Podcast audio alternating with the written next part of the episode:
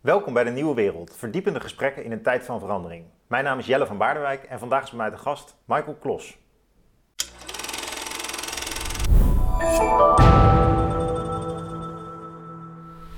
Michael, jij bent jurist, bestuurskundige ook. Ja.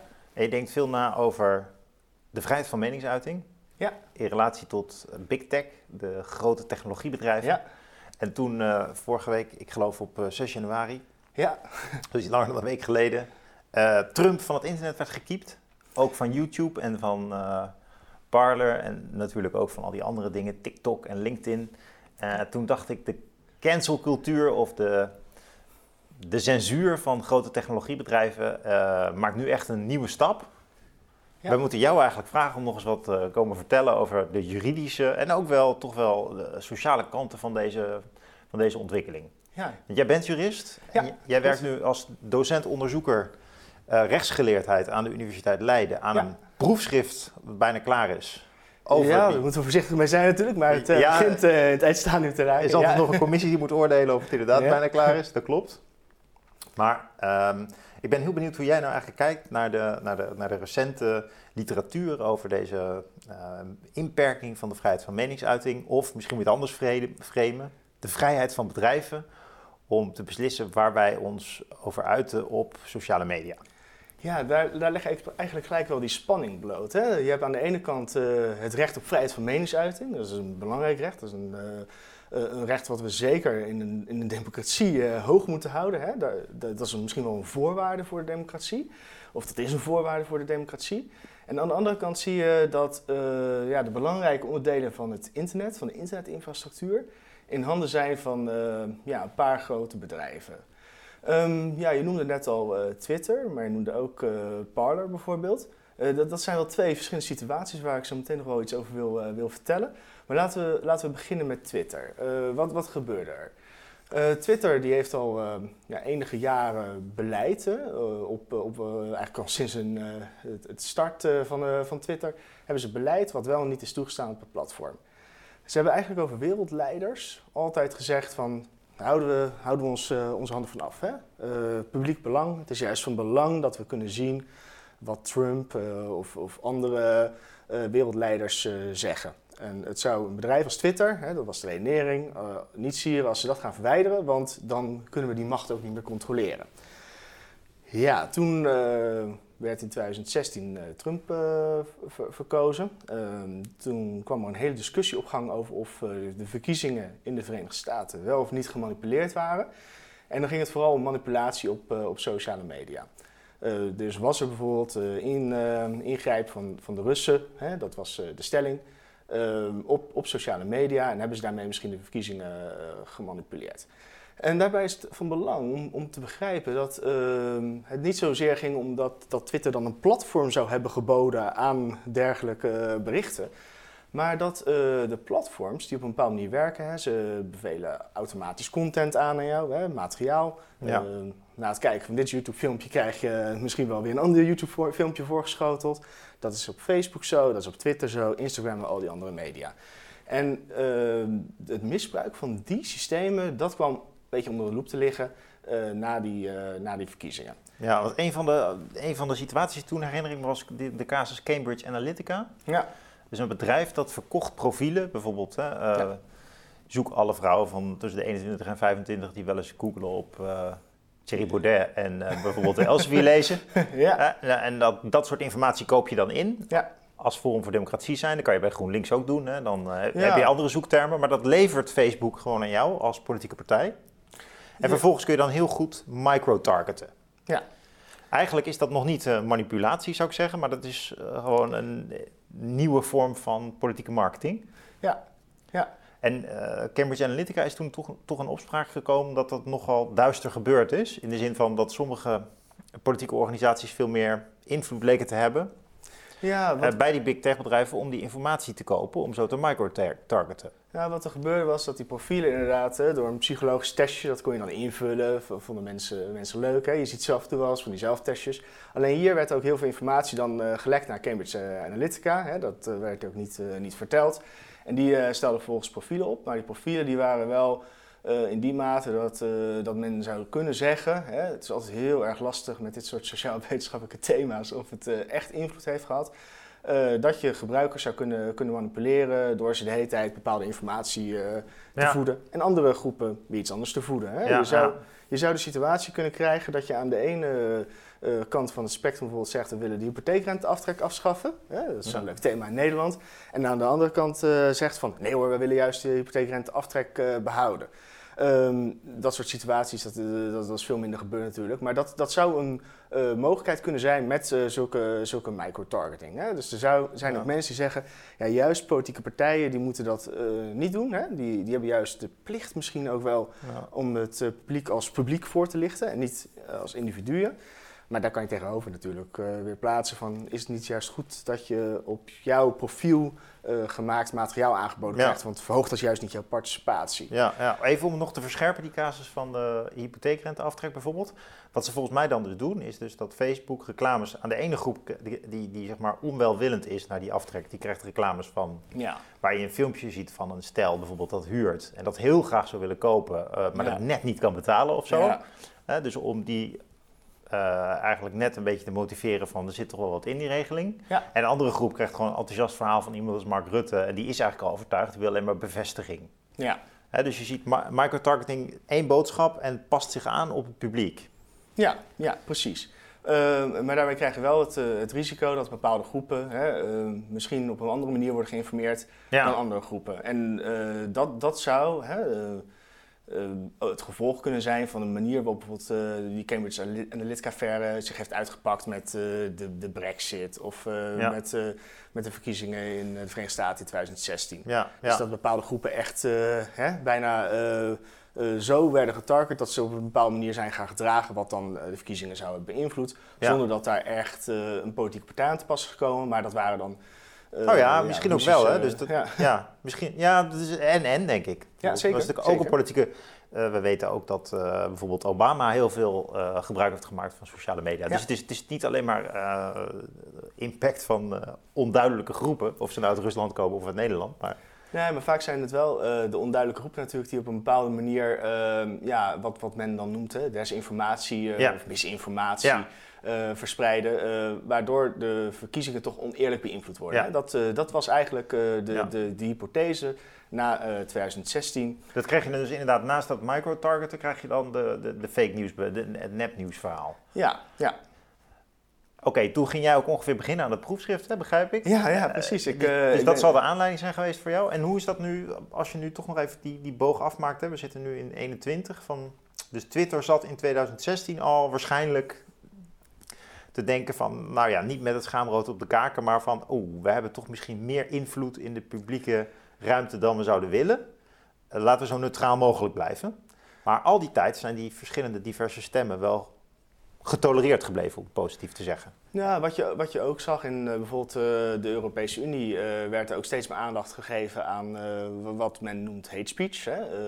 in Nederland zouden we dat haatzaai of aanzet tot haat noemen. Uh, de, we, hebben ook een uh, migratiecrisis gehad waarbij ja, heel wat xenofobe berichten werden, werden geplaatst. daar, daar is ook veel discussie over, over ontstaan.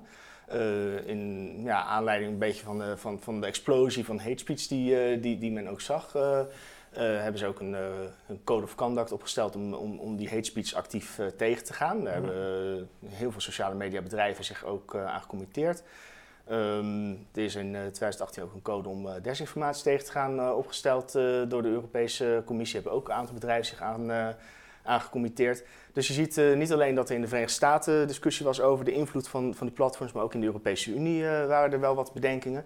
In 2018 is er ook een conceptvoorstel voor, voor het tegengaan van terrorismepropaganda op, opgesteld. Hè. We hebben bijvoorbeeld Nieuw-Zeeland uh, meegemaakt dat er gewoon een livestream uh, was uh, van, van, van, van, een aanslag.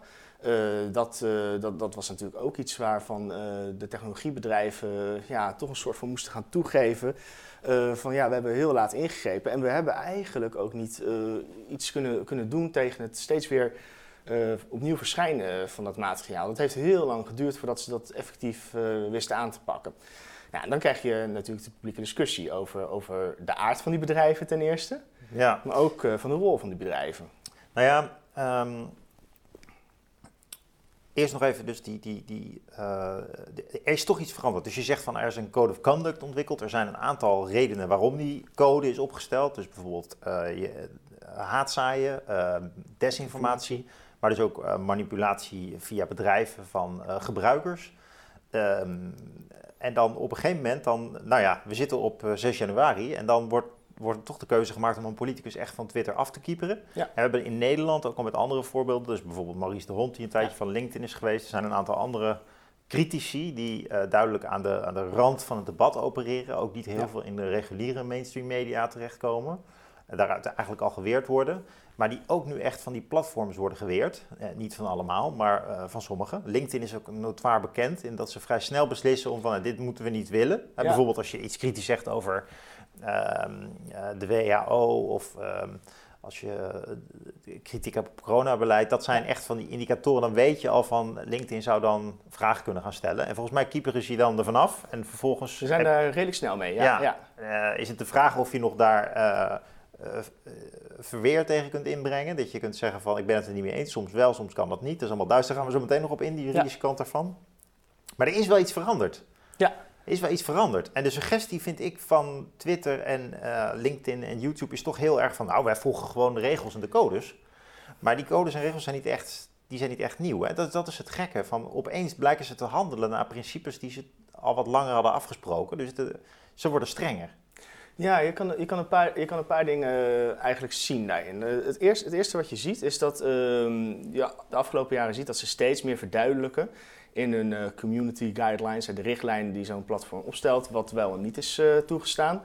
Ehm, dat, dat is ook wel te verklaren, omdat ze natuurlijk steeds vaker bepaald materiaal tegenkomen.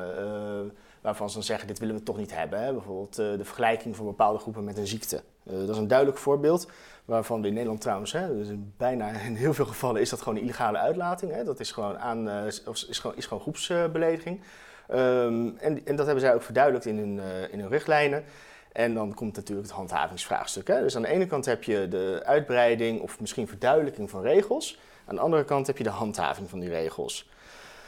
Ja, wat, eh, wat, wat, wat, wat, zien we daarop? We zien aan de ene kant eh, dat, die, dat die regels gewoon beïnvloed worden ook door hè, die Europese Commissie noemde ik het net al, met, eh, met de codes die zijn opgesteld. Aan de andere kant zie je ook ehm, dat mensen ook steeds meer verwachten van als je Trump verwijdert, waarom ook niet die persoon? Als, Ja. je, als je deze uitlating verwijdert, waarom wordt dan niet deze Ja, uitlating er verwijderd? lijkt een zekere willekeur in te zitten. Ook om vanwege op die dag dat ze Trump er dan uitgooien, Ja. is dan een belangrijke dag. Dat, de democratie, de- de- ja, belangrijke dag voor de democratie met die bestorming van het kapitool. Ja. Democraten die meerderheid in, het, eh, in de Senaat krijgen. En dan toch juist die dag uitkiezen om ze te. Het, het lijkt ook gewoon zeker opportunisme. Ja, dat, eh, ik, ik vind die, ik vind die eh, opmerking ook niet helemaal onterecht. Want wat je, wat je ziet is natuurlijk dat toen Trump nog in de running was voor een tweede termijn, er toch een bepaalde terughoudendheid was. Hè? Ehm, eh, er, er, doken hier en daar ook documenten op dat, dat Facebook misschien juist regels wat soepeler zou toepassen richting Republikeinen, omdat ze toch bang waren voor, eh, eh, voor nieuw ingrijp van Donald Trump. Hè. Dus een van de kritiekpunten, die zie ik ook heel veel eh, nu hè, onder, onder, onder vakgenoten uit de Verenigde Staten. Die zeggen van ja, goh, het is toch wel een beetje. Nu komt Joe Biden eraan. Die wil toch een ander soort benadering van, van, van dit, van dit probleem, op dit probleem. Eh, dus nu kiezen ze meer de richting van, van Joe Biden misschien. Ja, ja. Ehm, dat is niet helemaal onterecht. Ehm, wat, je, wat je wel ziet in, in de Verenigde Staten, en dan ga ik al richting, een beetje richting de juridische kant, is dat ehm, de- deze discussie al eigenlijk in eh, de jaren negentig eh, gevoerd is. Wat, wat hebben ze op een gegeven moment gedaan? De discussie was, mag je als bedrijf, mag je dan bepaalde berichten verwijderen? Nou ja, dat mag. First Amendment, het eerste amendement van, eh, van de bij de constitutie van eh, de Verenigde Staten. Ehm, je, je, je hebt als eh privaatbedrijf in principe het recht om bepaalde uitingen weg te redigeren. Hè? Hm. Dat, dat, is, dat is geen probleem. Nu is alleen een beetje het probleem dat op het moment dat je dan. misschien dan even één seconde Ja? nog hoor. Je, want ik zit nou even. Mag je dan ook dingen weghalen die helemaal. Eh, die je niet bevallen? Of moet je dan wel aangeven waarom het je niet bevalt? En moet je dan een code volgen? Want dit klinkt nou heel vrijblijvend. Hè? Als private organisatie mag je gewoon weghalen wat je wil? Of als private organisatie mag je dat gecoördineerd en met goede redenen doen. Ja, daar kom ik, kom ik echt nu op terug. Ook, hè? Dus, dus een van de discussies die, die ontstond dan, was als je nou uitlating B weghaalt en uitlating A niet, maar je kan wel gezegd hebben dat je uitlating A gezien hebt, kan je dan als bedrijf aansprakelijk worden gesteld voor die illegale uitlating die je niet hebt verwijderd, hè? civielrechtelijk of strafrechtelijk. Hmm. Ja, toen uh, kwam uh, toch een beetje het probleem dat, we, dat, dat ze in de Verenigde Staten ook wel zagen. Je wil wel dat zo'n een, een bedrijf veilig bepaald materiaal, hè, wat, wat, wat schadelijk kan zijn, dat, dat, dat het weggehaald kan worden. en dat dan niet opeens dat bedrijf voor al die andere uitspraken die ze niet weghalen, of niet in overeenstemming met hun regels weghalen, dat daar dan een juridische procedure opgevoerd kan worden. Want dan krijg je een beetje. Ja, nee, dat snap ik. Maar waarom. Ja, dus dat. En nu die zit.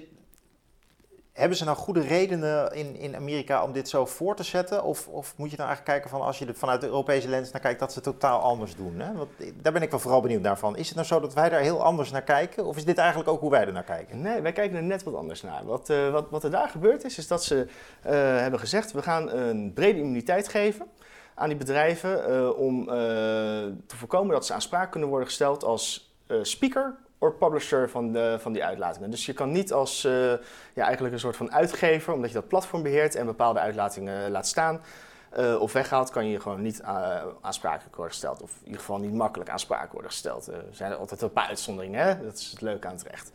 Wat wij hier hebben gedaan, was dat we dachten van ja, dat is ehm, misschien een beetje te, te, te, te rigide. Hè? Want dan krijg je dus dat ik op YouTube, zometeen in de commentaar van deze video, uh, jou zwart gaan maken. Vreselijke presentator. Uh, daarvoor heeft hij uh, me gedrogeerd. Ik ga de meest wilde beweringen over jou doen. um, en vervolgens zegt, zegt YouTube: Ja, ga maar, ga maar lekker naar hem toe. Uh, wij zijn niet aansprakelijk. Maar dat is leuk als ik met mijn naam uh, eronder heb gereageerd, want dan kan je me aanspreken. Maar als ik anoniem ben, is het toch een stuk lastiger. Ja. Uh, dat vonden we in, in de Verenigde Staten vonden ze dat een, een ja, een betere oplossing. Hè? Want je voorkomt daarmee over, oververwijdering. Hè? Ja. Want een bedrijf dat kan niet makkelijk gedwongen worden onder de dreiging van een hoge dwangsom of mogelijke ja. schadeclaims. Amerikaanse bedragen, hè? Je, je hebt er misschien wel een voorstelling bij.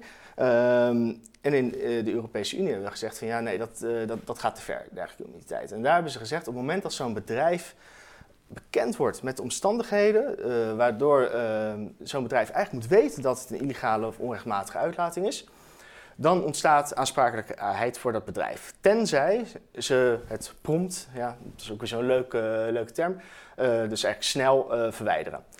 Dat is een heel, heel andere benadering. Ja, maar dat zou eigenlijk dus... Oké, dus, dus samengevat in, in Nederland en Europa, als ik dat zo uh, bij elkaar mag betrekken. Ja, dus juridisch gezien is het platform, het is eigenlijk iets...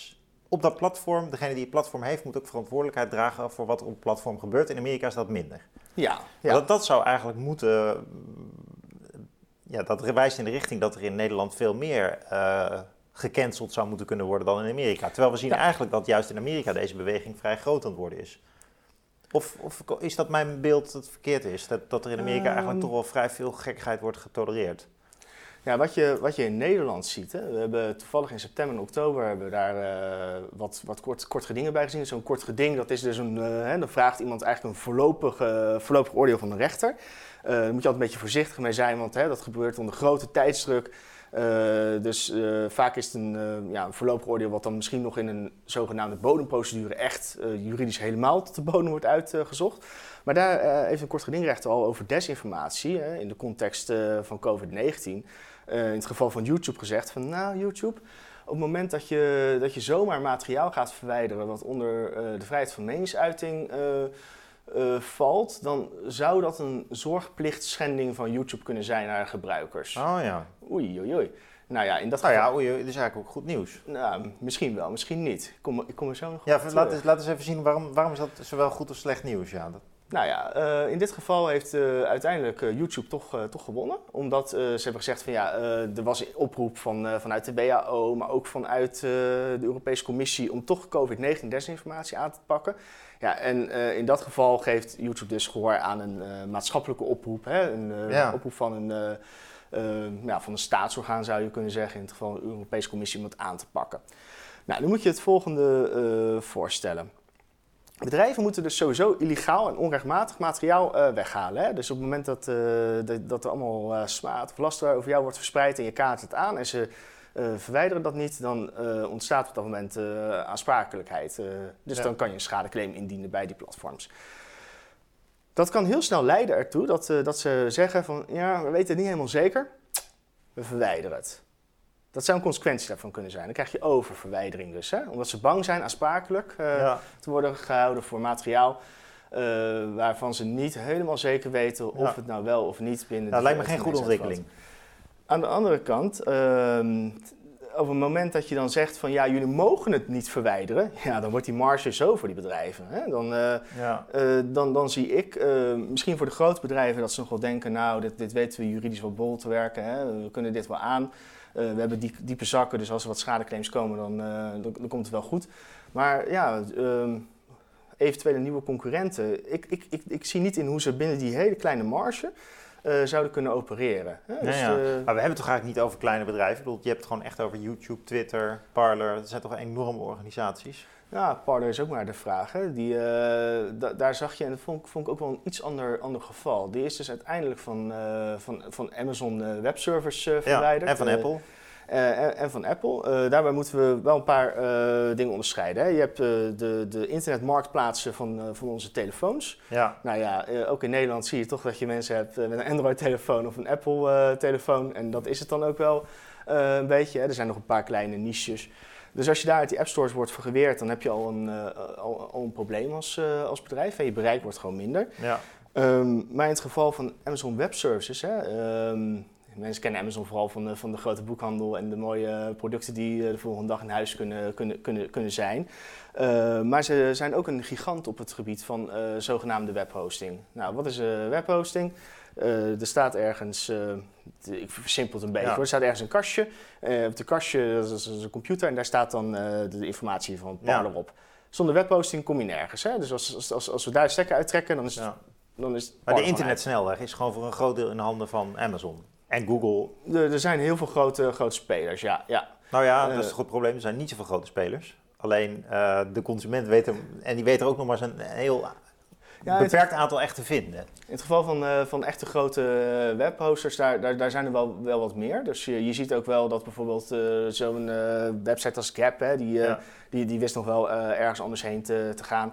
Uh, uh, die had een beetje dezelfde problemen. Die heeft uiteindelijk ook nog wel... Uh, oh, oké. dus die weten wel ergens anders een huis te vinden. Ja, de Pirate Bay, hè, die, die is al meerdere keren in de Europese Unie-context aangepakt. Maar die weten continu wel weer ergens... de website waar je gratis boeken kan downloaden en de muziek. Ja, ja, die weten toch vaak nog wel weer een plekje te vinden. dus wat je, wat je ziet is dat die bedrijven, die, die, die hebben heel wat macht... Ehm, maar je merkt toch dat daar zo, uh, zo vaak nog wel een nieuw, nieuw, nieuw thuis uh, kunnen vinden.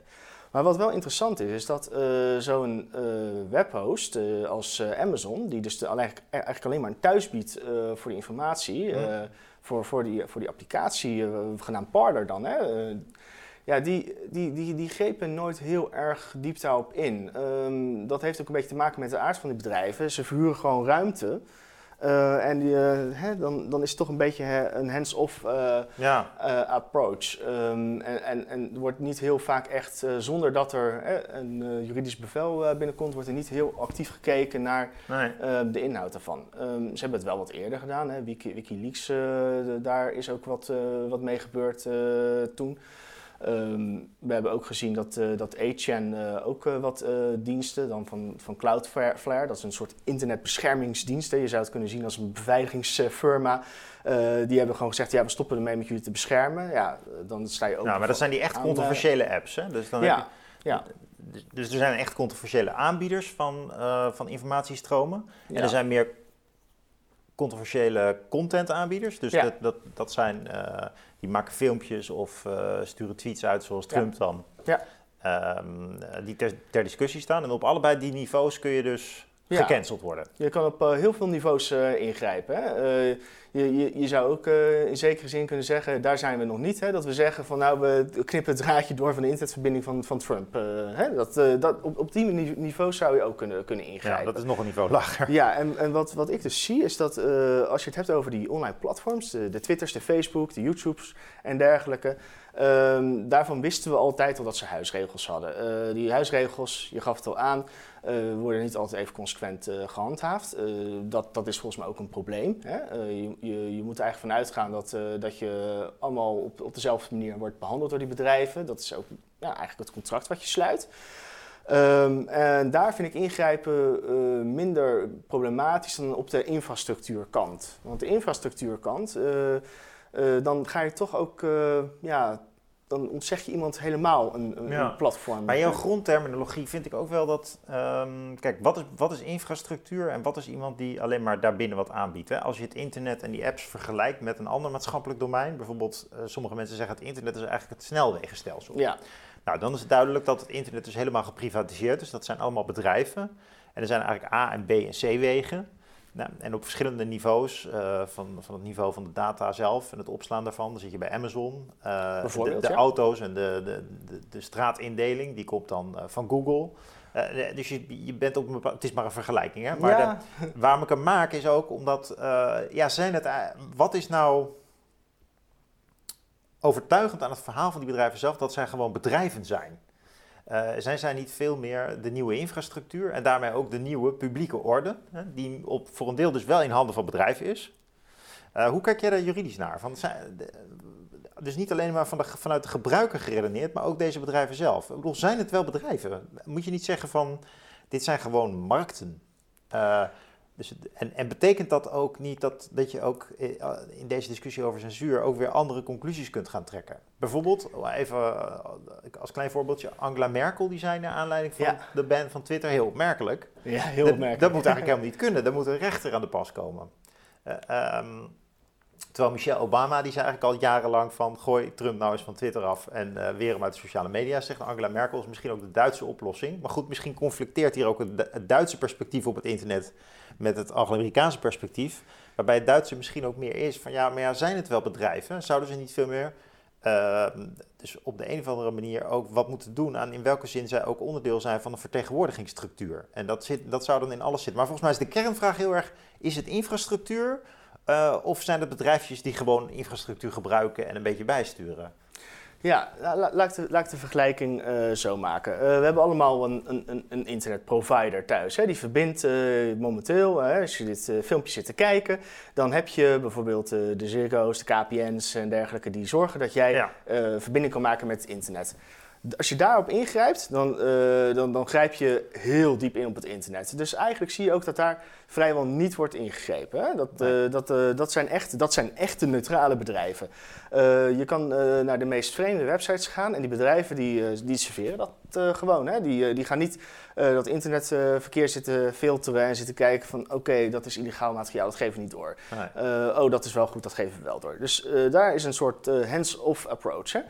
Nou, dan heb je een uh, laagje hoger, zou je zeggen, heb je de uh, panden eigenlijk waar de websites uh, worden, worden geplaatst. neem het bijvoorbeeld een beetje een bedrijfsverzamelgebouw waar je kantoorruimte huurt. Hè? Mm. Um, je, je, ziet dat, dat zo'n huisbaas over het algemeen niet continu gaat controleren of jij niet bedenkelijke dingen doet op, op, dat, op dat kantoor. dan moet wij van spreken eerst iemand zeggen van hallo, daar is een, uh, mietplantage bijvoorbeeld. Voordat er iemand binnenkomt, uh, de boel ontruimt en dat je contract wordt. Ja. Uh, dus daar ook zou ik zeggen, uh, geen, geen proactieve rol. Wat Amazon heeft uh, gedaan richting Parler, dat contractueel helemaal in orde hoor. het mag, volgens de Amerikaanse wetgeving. Ik zie ook geen bezwaar. Parler heeft een rechtszaak aan gemaakt. Amazon heeft erop gereageerd. Ik denk dat Amazon gaat winnen. Uh, maar de vraag is of het wenselijk is als je op dat niveau ingrijpt. Hè? Op dat niveau zou ik ook zeggen. Want dat zou in Nederland of Duitsland niet kunnen? In, Nederland, in Nederland of Duitsland uh, kan, kan het bijvoorbeeld uh, ook wel, wel gebeuren. Hè? we hebben bijvoorbeeld uh, minister uh, Grapperhaus gezien uh, dat hij kinderpornografie of kindermisbruikmateriaal ja. een beter, beter woord... Goed, dus een veel extremer, duidelijk no-go voorbeeld dan Parler. Ja, maar hetzelfde, hetzelfde verhaal. Op het moment dat je dat soort materiaal op jouw webserver hebt staan als, als bedrijf, ja. ook al is het van een klant, ja, als jij zo'n melding krijgt, dan, dan moet het gewoon weg. Ja, maar nog even terug, want ik onderbrak je, maar volgens mij is de, de argumentatie van jou, inhakend op mijn vergelijking met een mm -hmm. wegenstelsel, mm -hmm. misschien moet je ook meer naar een soort winkelcentrum of een bedrijventerrein. Ja. Uh, wat jij een beetje suggereert is van, oké, dus je hebt dat internet is helemaal neutraal. Nou, we hebben in Nederland trouwens maar twee aanbieders, hè, dus echt veel keuze is er niet. Je hebt uh, Ziggo en KPN en de rest is volgens mij allemaal op een of andere manier daar wel aan verbonden. Ja, maar goed, die discussie dat, dat, dat, is een complexe... Ja. ja. ja, inderdaad, maar toch, het, is niet, het is niet alsof daar heel veel competitie bestaat. Nee. Maar dan heb je dus dat huis of dat kantoorpand, dan komt het binnen en dan wordt het gebruikt. En je, je was het aan het opbouwen. Hè? De, de volgende laag is dan, waar ik dan graag naartoe wil, is dat, dat iemand zo'n applicatie ontwikkelt of gebruikt. Ja.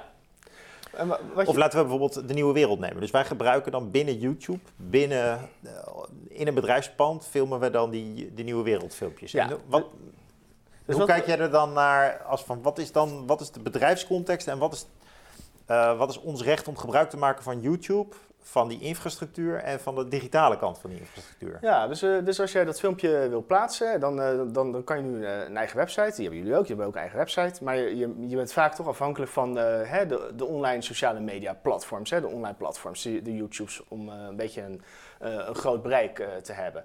Nou, dat, dat, YouTube heeft regels. Hè? Jullie hebben een account aangemaakt, jullie zijn akkoord ermee gegaan en uh, hebben dus eigenlijk een contract, een contract gesloten met, met YouTube. Nou, in de Amerikaanse context, dan, dan, is het eigenlijk heel, heel simpel. Die bedrijven die, die hebben een hele brede ruimte om te zeggen, dit staan we wel toe, dat staan we niet toe.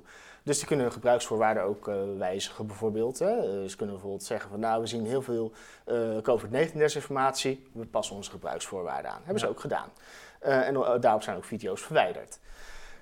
In Nederland, in de Europese context, ligt dat wat lastiger. Om, omdat je toch al heel snel ziet dat een rechter daar toch een beetje kan gaan toetsen aan open normen, zoals een onrechtmatige daad. Hè, de, of contractsbreuk. Uh, heb je wel zorgvuldig gehandeld als bedrijf? Nu is jouw vraag van, oké, maar welke van de twee is dan te verkiezen? Of moeten we een ja. Merkeliaanse benadering dat we zeggen, nee, dat moeten we echt bij een rechter laten? Ik zou zeggen uh, dat uh, de Nederlandse en Amerikaanse benaderingen, als je daar een beetje in het midden gaat zitten, dan, dan zit je goed. dus je moet ze niet volledig immuun maken. dat zou ook hele nare consequenties krijgen. Ja, wat zou dat eigenlijk wel kunnen? Want mijn, mijn vraag die hier mooi in kan weven is eigenlijk... is het niet zo dat dat Amerikaanse regime van, van, van bedrijfsrecht en bedrijfsmacht, van bedrijfsmonopolies ook langzaam over ons heen trekt in Europa, dat we daar eigenlijk ook helemaal geen weerbaarheid tegen hebben? Of valt het wel mee?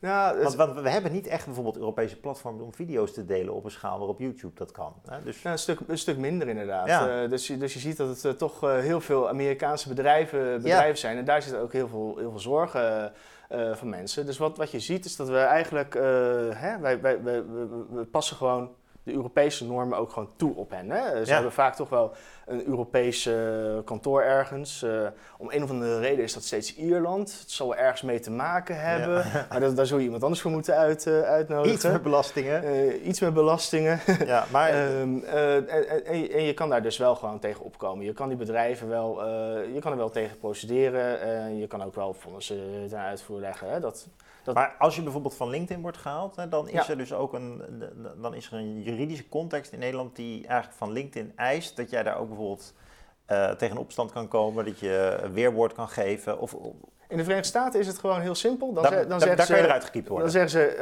uh, als, je, als je daarover gaat klagen, dan, uh, dan, dan, dan, dan roept uh, het platform... Ja, sectie 230 van de Communications and Decency Act 1996. En dan, dan zegt zo'n rechter, oké, dat, dat immuniseert jullie. Einde verhaal. Dus dat is een, dan is het al gewoon, hè, er komt bijna geen inhoudelijke behandeling. In, in, in Nederland is het toch zo dat er altijd dan wordt gekeken naar de gebruiksvoorwaarden. Hè. Is, is het wel eerlijk toegepast? Zijn die gebruiksvoorwaarden niet in, in, in, strijd met hè, de redelijkheid en billijkheid? Zo'n leuk juridisch woord. Hè. Dan wordt het toch getoetst ja. aan bepaalde beginselen. Maar ook in, in, in Nederland, hè, er zijn twee rechtszaken geweest zegt die rechter wel nu van een beetje, een beetje terughoudendheid. Hè? De YouTube-rechter had ik net al genoemd, die zei van nou, het kan, het kan een zorgplichtschending zijn. Uh, in oktober heeft een andere... Maar wat kan nou een zorgplicht zijn? Sorry, uh, als, je, als je vrijheid van meningsuiting van gebruikers schendt, dan zou het een zorgplichtschending kunnen zijn. Ja, want maar, je, moet, je moet dus de zorgplicht, die betekent, dat betekent dus dat je je eigen gebruikers, degene die video's voor je maken, dat je die moet beschermen. Ja, ja. En dus niet zomaar van een platform mag. Ja, precies, precies. Dus uh, er moet wel een uh, hele goede reden zijn om, uh, om, om, om in te grijpen. Ja. Maar in oktober heeft een andere, nou, dezelfde rechtbank, andere rechter, heeft daar toch wat genuanceerder over geoordeeld. Hè? We, zullen, we zullen zien, er zullen meer rechtszaken zijn, komen die, die hierop inhaken. Daar kunnen we bijna van uitgaan. En die rechter had gezegd van, nou, moeten toch wel oppassen met het uh, toepassen van uh, de vrijheid van meningsuiting in een uh, burger-private organisatierelatie. Um, waarom? Om, ja, die bedrijven die hebben gewoon huisregels. Die bedrijven die, die, die willen gewoon kunnen bepalen wat wel en niet is toegestaan. Hè? Dat, dat is op zich ook logisch. gaan we bijvoorbeeld ook van Facebook vereisen dat ze bijvoorbeeld pornografisch materiaal moeten toestaan? Nee, maar dat is weer zo'n heel duidelijke rode vlag. Of, hè? Dat, dat, dat zit, het zit hem juist in de grijze gebieden. Of, of gaan we aan uh, Facebook uh, vragen dat ze ja, alle mogelijke advertenties die iemand wil plaatsen, ook waar Facebook zwart in wordt gemaakt, dat ze die moeten toestaan. moet Facebook maar alles ja. toestaan wat gebruikers plaatsen? Dat is eigenlijk een beetje de vraag. Ja. Hè? ja. Op het moment dat, dat je dat antwoord met ja bevestigt, hè, dan krijg je de vreemde situatie dat Facebook die heeft ook uh, materiaal dat bevelen ze aan. Hè? Je, je hebt dus uh, die algoritmes die, die, zeggen: Je hebt net een post van, van, van die vriend ge, geliked, misschien vind je dat ook wel leuk.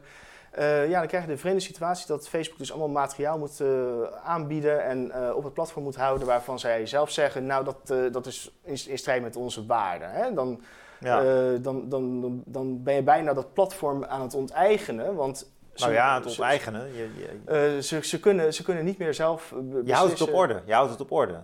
Hoe bedoel je? Nou, als je toch maatschappelijk gezien zegt van dit soort discussies zijn belangrijk, of dat soort discussies moet je eigenlijk zien te ontmoedigen, hè, dan mm bemoei je je dus met Facebook, maar wel vanuit een hoger kader. Je probeert mhm. toch te zeggen van het is belangrijk dat deze dingen blijven bestaan. Eh, dus je kunt ze dan toch vragen om zich daarop aan te passen? Ja, zeker. Dat, dat, dat, dat kan. Uh, en daarvan heeft bijvoorbeeld die Facebook-rechter ook, uh, ook gezegd van ja, dat, uh, dat, dat moeten we in ieder geval doen, hè, ook van het Europees Hof voor de Rechten van de Mens, op het moment dat, dat, dat de vrijheid van meningsuiting eigenlijk feitelijk onmogelijk is gemaakt. Hè? Dus op het moment dat het echt feitelijk onmogelijk is om een bepaalde uiting ja. te doen, je hebt er gewoon helemaal geen mogelijkheid meer voor. Hè? Je kan nergens meer terecht met je, met je COVID-19 uh, beleidskritiek, ja, dan, dan moet je ingrijpen. Ja, ja, maar zolang het al op YouTube nog kan, maar op LinkedIn zo, niet. Zo, zo zolang het op YouTube bijvoorbeeld uh, nog nou, kan. Ja. Uh, en ik zou ook zeggen, je moet ook wel een beetje kijken naar online en offline mogelijkheden. Hè? Ehm, LinkedIn vind ik, vind ik ook nog steeds een leuk voorbeeld. Want LinkedIn, ehm, misschien is daar ook het voorbeeld van wat moet je toestaan als platform misschien nog wat scherper duidelijk. Want LinkedIn biedt een zakelijk platform, zakelijke profielen. Het idee daarvan is niet dat je vakantiefoto's deelt. Dat is niet, niet het platform wat LinkedIn eh, wil bieden. Maar het is een platform waarin ze mensen in contact willen brengen uh, die een zakelijke relatie uh, willen aangaan. Mensen helpen aan een baan, mensen helpen facturen te vervullen. Dat is wat ze willen. dat is waar het platform wordt voor wordt aangeboden. ze hebben dan ook strenge regels wat betreft COVID-19 desinformatie. Hè? Zij zeggen eigenlijk alles wat in strijd is met de richtlijnen, dat dat, dat, dat, verbieden we. Ja, Daar, verregaand. Nou, uh, binnen hun doelstelling als bedrijf past dat dan nog? Binnen hun doelstelling als bedrijf uh, past dat. Hey Michael, we kunnen hier nog heel lang over doorpraten, maar ook ja. omwille van de tijd. Ik ben nog benieuwd naar iets heel anders. Jij bent namelijk je proefschriften over dit thema aan het schrijven. Ja. En het is een heel snel uh, veranderend discours. Hè? Jurisprudentie stapelt op, neem ik aan. Omdat dit soort gevallen natuurlijk heel duidelijk laten zien dat er nieuwe uh, regels in de maak zijn en dat we een veranderende ja. opvatting over hebben. Als jij nou eens even vooruit kijkt, van je, je, hebt het de afgelopen jaren bestudeerd, waar gaat het nu heen met deze discussie over wat de grenzen van de vrijheid van meningsuiting op het internet zijn? Wat, wat zijn de lijnen die jij zo voor je ziet de komende paar jaar? Wat is de trend? Ja, uh, wat je ziet uh, qua, qua wetgeving, uh, die immuniteit, daar, daar weet ik bijna, bijna zeker van dat, dat daar nog aan, aan gesloten gaat worden in de Verenigde Staten. Want hoe begrijp jij dat, immuniteit? de immuniteit eigenlijk van die platforms voor, voor de aansprakelijkheid van materiaal van derden. Hè? Dus jij plaatst, nou ja. plaatst iets op, op YouTube in de Verenigde Staten uh, is er eigenlijk een brede immuniteit voor, voor, voor die bedrijven. Een aantal uitzonderingen zijn... Dat staat nu onder druk dus? Ja, die immuniteit. Dus dat is eigenlijk een Europeanisering van het model? Ja, de grap is ook dat, uh, dat de eurocommissaris eigenlijk al gelijk reageerde. Wij hebben nieuwe wetsvoorstellen gedaan. Misschien moeten de Verenigde Staten zich daar maar gewoon bij aansluiten. Ja, ja. maar, maar de grap is dat als je aan de immuniteit gaat, gaat, gaat, gaat knoeien in de Verenigde Staten... Ik denk dat dat juist gaat leiden tot meer censuur. Uh, waarom? Omdat eigenlijk uh, het eerste amendement beschermt die bedrijven vergaand om, om in te grijpen. Uh, er is in 2019 ook al een Supreme Court uitspraak geweest, niet over internet, maar wel een soortgelijke situatie. En daarvan heeft Kavanaugh notabene gezegd, hè, die, die, uiteindelijk toch op voordracht van Trump daarin is, is gekomen. die heeft gezegd van ja, het feit dat een privaat platform een publiek platform aanbiedt, ook al wordt dat historisch gezien als een, uh, als een publieke taak, hè? het aanbieden van een, uh, van een marktplaats om ideeën uit te wisselen, ja. dan nog betekent dat niet automatisch dat het uh, dan ook maar een publiek platform is voor bijvoorbeeld het eerste amendement. En dat je alles maar moet toestaan, wat ook onder het eerste amendement is toegestaan. Ja, ja.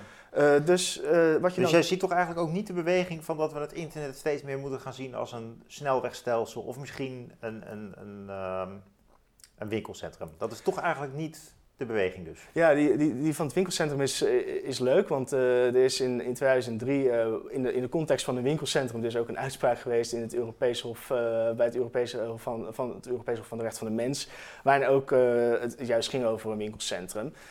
de Applebee-zaak. En daar komt ook dat criterium vandaan dat ze zeggen van ja, zolang er nog een andere mogelijkheid is, hè, dus misschien kan je niet in het winkelcentrum flyeren, maar als je nog voor het winkelcentrum kan flyeren of je kan langs de deuren, dan is je vrijheid van meningsuiting uh, niet onmogelijk gemaakt. Ja. Hè? Uh, het, het, is niet een recht om een platform. Er is niet een recht om, om, om, gehoord te worden. Er is niet een hm. recht dat mensen maar gewoon continu jouw materiaal te zien moeten krijgen. Ah, ja. um, dus ik, ik, denk dat we die kant niet op, op, op gaan. De kant die we wel op gaan, is dat we kritischer denk ik gaan kijken naar de rol van die platforms. Want laten we wel zijn, uh, de, ene, de enige grote reden waarvoor ik ook zou zeggen dat Twitter bijvoorbeeld mag beslissen wat ze wel en niet toestaan, is omdat ze een platform gebouwd hebben om het juist mogelijk te maken dat je een gigantisch publiek bereikt. Dus misschien hebben ze daardoor juist wel een bepaalde morele verantwoordelijkheid gekregen om te voorkomen dat een platform niet wordt gebruikt uh, voor doelen uh, waarvan je in ieder geval ook wel kan denken dat ze, of in ieder geval kan vaststellen dat ze misschien wel bedenkelijk zijn. Um, en ik ben heel erg huiverig ervoor dat we gaan zeggen dat ze me alles, zo'n soort neutraal platform moeten toestaan. Want dat zet ook de deur naar. Maar dat is uh, toch de status quo, hè? De status quo is eigenlijk dat ze neutraal zijn, maar dat ze. Oh nee, dat, wel dat... zelf, ze mogen zelf regels invullen, maar ze zijn maatschappelijk gezien neutraal, toch? Ze mogen zelf regels eh, bepalen. Um, maar eh, ja, neutraliteit... Iedereen aan het woord laten? Nee, dat... Uh... Neutraliteit is altijd een beetje een inter interessant term. Ja, voor juristen is dat ook Neutraliteit impliceert, hè, misschien dat jij neutraliteit anders bedoelt, dat ze, dat ze geen uh, positie innemen ten aanzien van dat materiaal. Dat doen ze wel. Ja, uh, ze, ja. be ze, bevelen namelijk materiaal aan. En dat doet misschien niet een mens. Er is niet, is niet iemand daar zo nee. achter zijn computer te bedenken van wat gaan we, wat gaan we Jelle vandaag eens voor moois laten zien. Uh, maar ze, ze hebben wel bepaalde systemen opgetuigd om, mogelijk te maken dat jij nieuw materiaal voorgeschoten krijgt op basis van wat je eerder leuk vond of ja. uh, waar je wel uh, naar kijkt en wat je niet bekijkt. Dus daarmee zijn ze per definitie al niet neutraal. Um, ze zijn ook nooit neutraal geweest met wat ze wel en niet toestaan. Facebook heeft altijd huisregels gehad ja. en dat heeft ook altijd een beetje discussie opgeleverd. Bijvoorbeeld over, over borstvoeding geven op platform. Hè? Mag de tepel wel of niet zichtbaar zijn? Hele... Ja, puriteinse discussie. Hele, hele, hele, hele, discussies over, ja. ja. En, en, de vraag is dan een beetje van, ja, uh, moet je daarop gaan ingrijpen? Ja, ik denk het niet. Maar um, dat doen ze wel. Nee, oh, ik bedoel dat je niet op die, op die praktijken van de bedrijven moet ingrijpen. Uh, ik denk dat je dat moet laten. Ik denk dat je zelf moet laten beslissen. Oh, die bedrijven wat, uh, moet je dat zelf laten beslissen, ja. dat bedoel je? Ja. ja. Ja, En wat het grote probleem wat mij betreft is, is dat uh, we zien dat die bedrijven, het zijn er niet zoveel. Um, en daar begint het ook te, te wringen. Het uh, grote probleem wat ontstond was ook niet zozeer dat Twitter Trump alleen van Facebook, uh, of uh, van twi Twitter Trump van, van het platform beheerde, maar ook Facebook, Instagram opgekocht door Facebook. ja, ja. en ook andere platforms volgden heel snel. Ja. zelfs, zelfs een webwinkel van de Trump-campagne had al heel snel besloten van wij willen ons niet meer eraan verbinden. Dus wij, we weren van het platform. Ehm, ja, dat, dat, dat, daar, ja, daar kwamen platforms naar boven waar ik nog nooit van had gehoord, maar het zijn nog steeds niet heel veel. Dus misschien moet je juist zorgen dat er meer platforms uh, ontstaan. Uh, en dat zijn meer mededingingsrechtelijke uh, dingen natuurlijk. Hè? Dat je misschien moet voorkomen dat Facebook niet Instagram opkoopt. Ja. Google YouTube niet opkoopt. Ja. Nou, dat is in ieder geval zelf wat ik wel zie aan de horizon. Dat er steeds meer draagvlak ontstaat om die verbanden weer te ontvlechten. Als je dan toch denkt vanuit de metafoor van het winkelcentrum, hè, dan zou je eigenlijk willen dat, uh, dat het winkelcentrum wel verschillende winkeltjes heeft.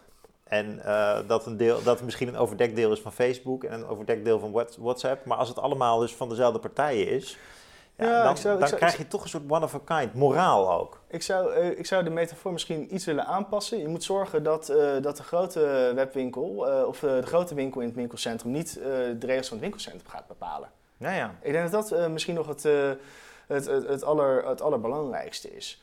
Uh, en voor de rest uh, zou ik er wel voor willen, willen waken dat we niet aan uh, die bedrijven gaan opleggen wat ze, dat ze alles maar moeten toestaan. Want dan krijg je ook materiaal waarvan we misschien zeggen met z'n allen, dat is misschien niet illegaal, maar het is wel hoogst onwenselijk als Het is wel object. Dat mensen elkaar steeds ja. vis maken, uitmaken op Nee, maar dat zijn, dat zijn extreme voorbeelden, die haal jij graag aan. Hè? De rode vlaggen die heel duidelijk zijn, dat willen we in ieder geval niet. Dus, ja, uh, maar op het moment dat je, dat je en, de wet aanpast, dat maar het zit hem vaak, zijn... Het zit hem vaak in dat grijze gebied, hè? dus dat, dat, dat is lastig.